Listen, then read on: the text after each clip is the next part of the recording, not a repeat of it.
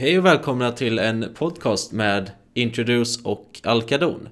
Mitt namn är Erik Kassel och jag jobbar som aktieanalytiker på ABG Sundahl Collier. Idag har jag nöjt att vara ute på Stora Essingen och besöka Alcadons VD Sonny Midborn på deras kontor. Och eh, till att börja med, skulle du Sonny kunna berätta lite för de som lyssnar och kanske inte är bekanta med bolaget vad det är Alcadon gör och vilka marknader ni är aktiva på?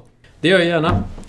Eh, Alcadon eh, utvecklar och distribuerar system och produkter för eh, professionell nätverksinfrastruktur. Och det gör vi i Norge och Sverige. Våra produkter och system är normalt sett inte något du, du ser. Det är system som finns under marken, bakom väggar.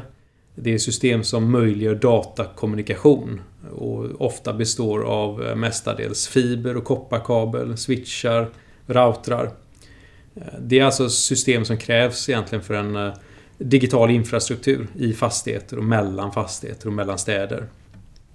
Primärt så är det våra kunder, installatörer, operatörer, byggbolag, kommuner och datacenter. Eh, idag har vi över 2800 kunder och de flesta har köpt aktivt av oss regelbundet i mer än 10 år. Ofta längre än så. Vi grundades annars 1988 vi eh, har haft en ledande roll i alla teknikskiften i vår bransch. Där vi eh, primärt verkar i premiumsegmentet. Vi eh, bedriver verksamheten idag i fyra affärsområden. Kommersiella fastighetsnät, bostadsnät, fibernät och tjänster och utbildning. Senaste åren har vi också växt rätt rejält med förvärv i både Norge och Sverige. Och är något vi siktar på att göra även framöver. I övrigt så tycker jag man kan säga att vi har en väldigt entreprenöriell kultur i bolaget. De flesta i personalen är aktieägare. Vi har en eh, väldigt låg personalomsättningshastighet. Och det ser jag såklart som väldigt positivt. Um, innan vi går vidare till att prata mer om Alcadon. Kan inte du berätta lite mer om vem du är och din bakgrund innan du kom till Alcadon? Absolut. Jag kommer närmast från rollen som affärsenhetschef på Adtech. Där var jag ansvarig för bolag med verksamhet inom professionell belysning, kabelkomponenter och eh, elinstallationsmateriel. Eh, framförallt i Norden, Baltikum och UK. Eh, tidigare har jag också varit VD för två bolag.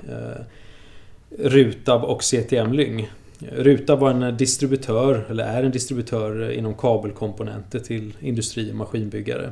CTM Lyng är en producent av smarta hemprodukter och en underleverantör till elinstallationsbranschen.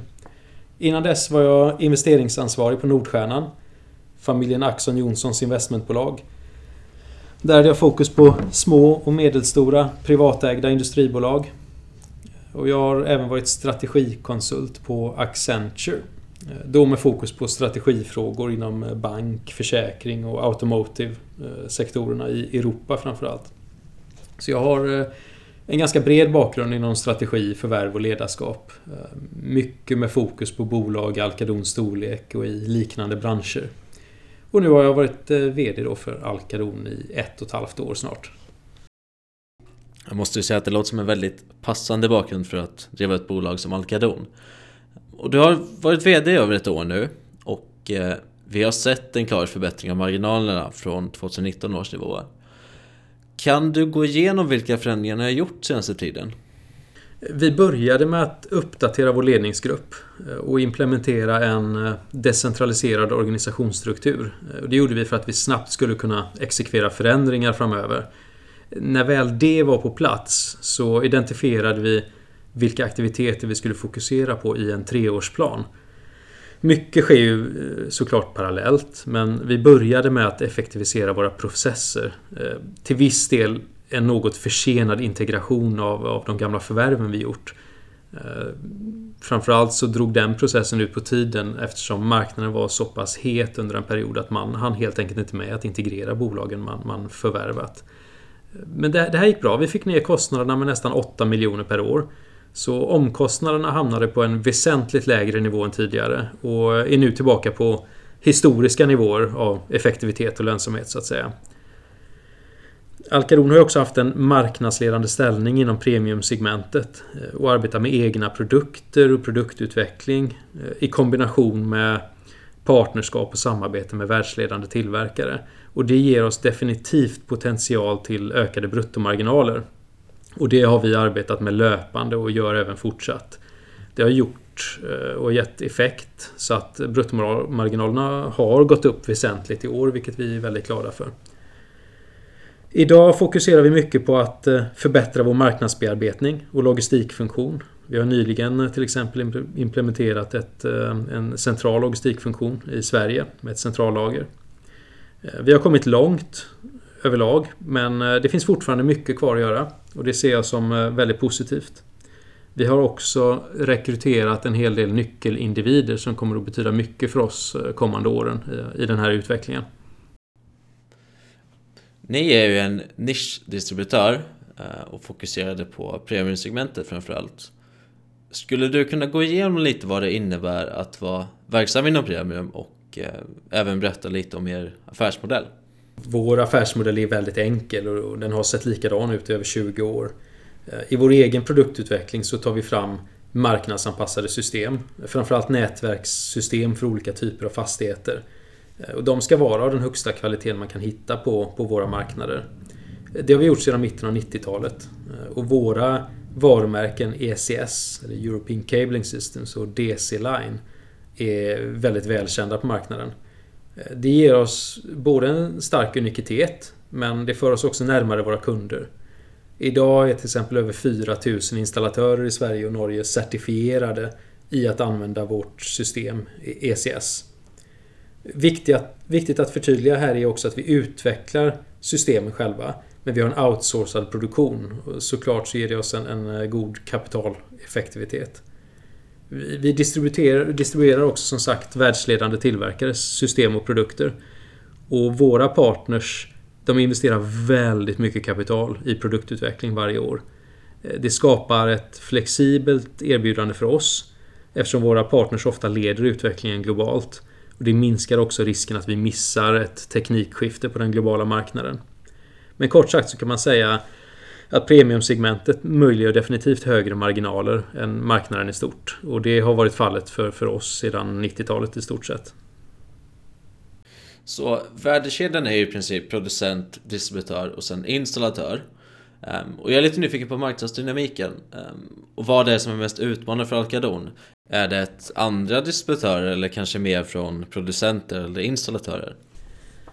Marknaderna ser ganska olika ut beroende på om man talar om generella fibernät eller om man talar om fastighetsnät. Eh, men generellt så kan man säga att det finns många aktörer på marknaden men väldigt få som är specialiserade på nätverksinfrastruktur.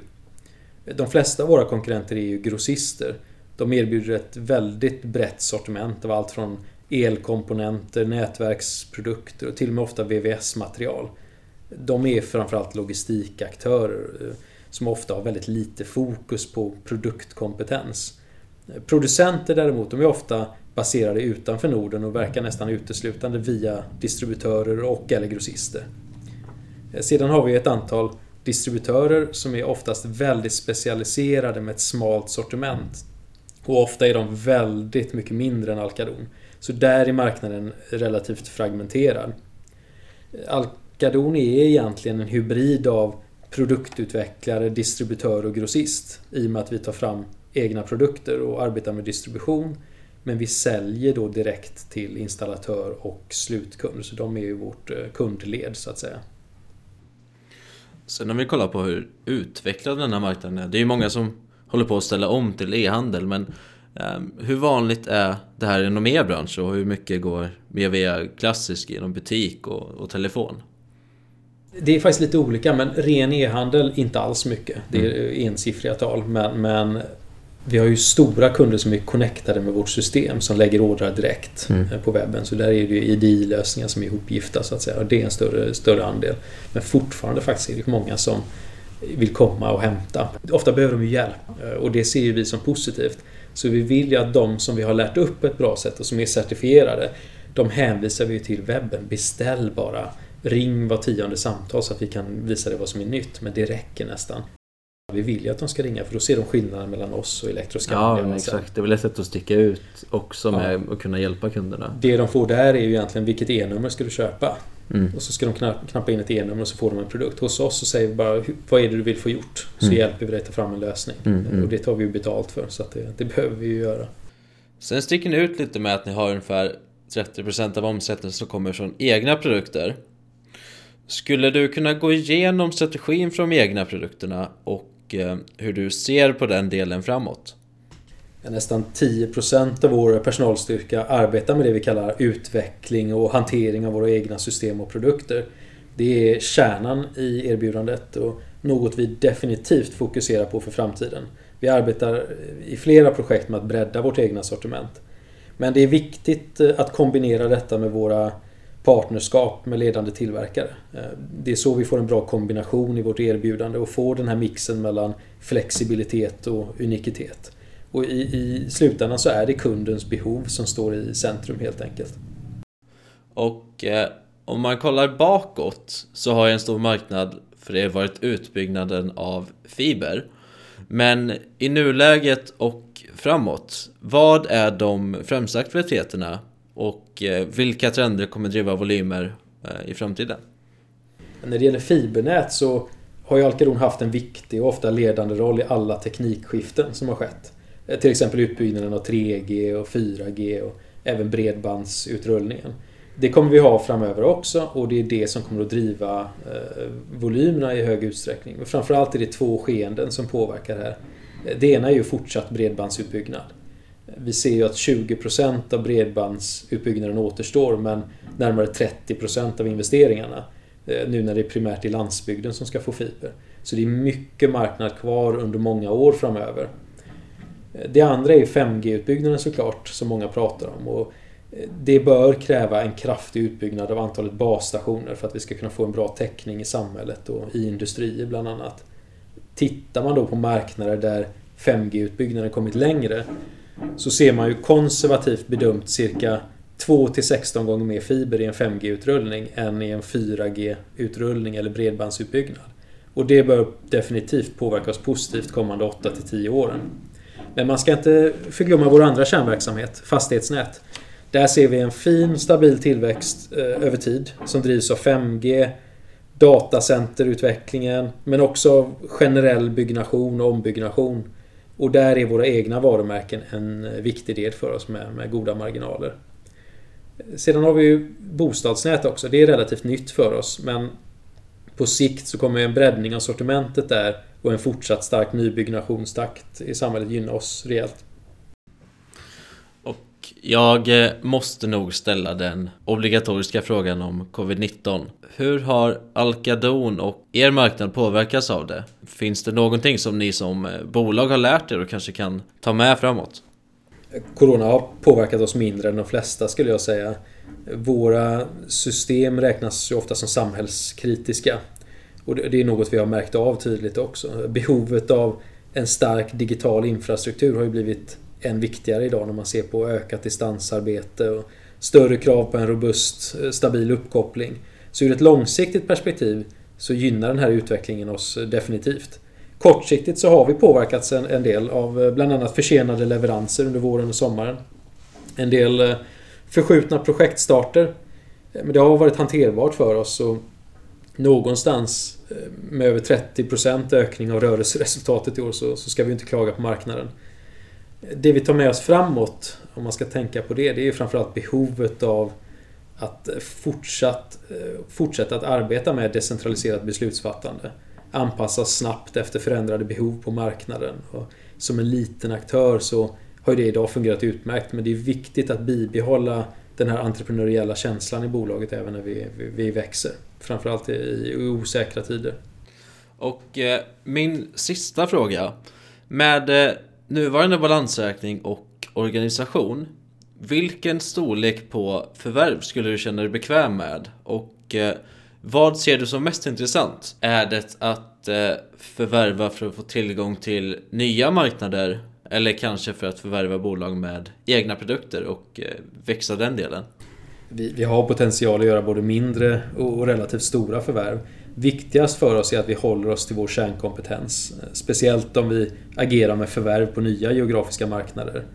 På våra nuvarande geografiska marknader, där kan vi arbeta mer utifrån att bredda vårt erbjudande, stärka vår position eller jobba med kompletterande produkter mot existerande kundsegment till exempel. Så där kan vi tänka lite bredare.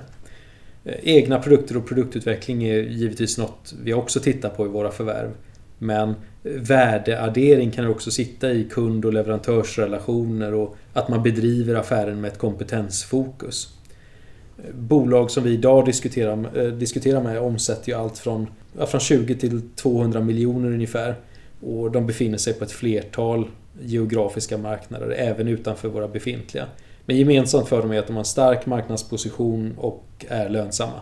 Stort eh, tack Sonny för att jag fick komma hit och göra den här intervjun med dig. Ehm, och tack också till alla lyssnare som har tagit sig tiden och eh, jag hoppas att ni fick med någonting värdefullt.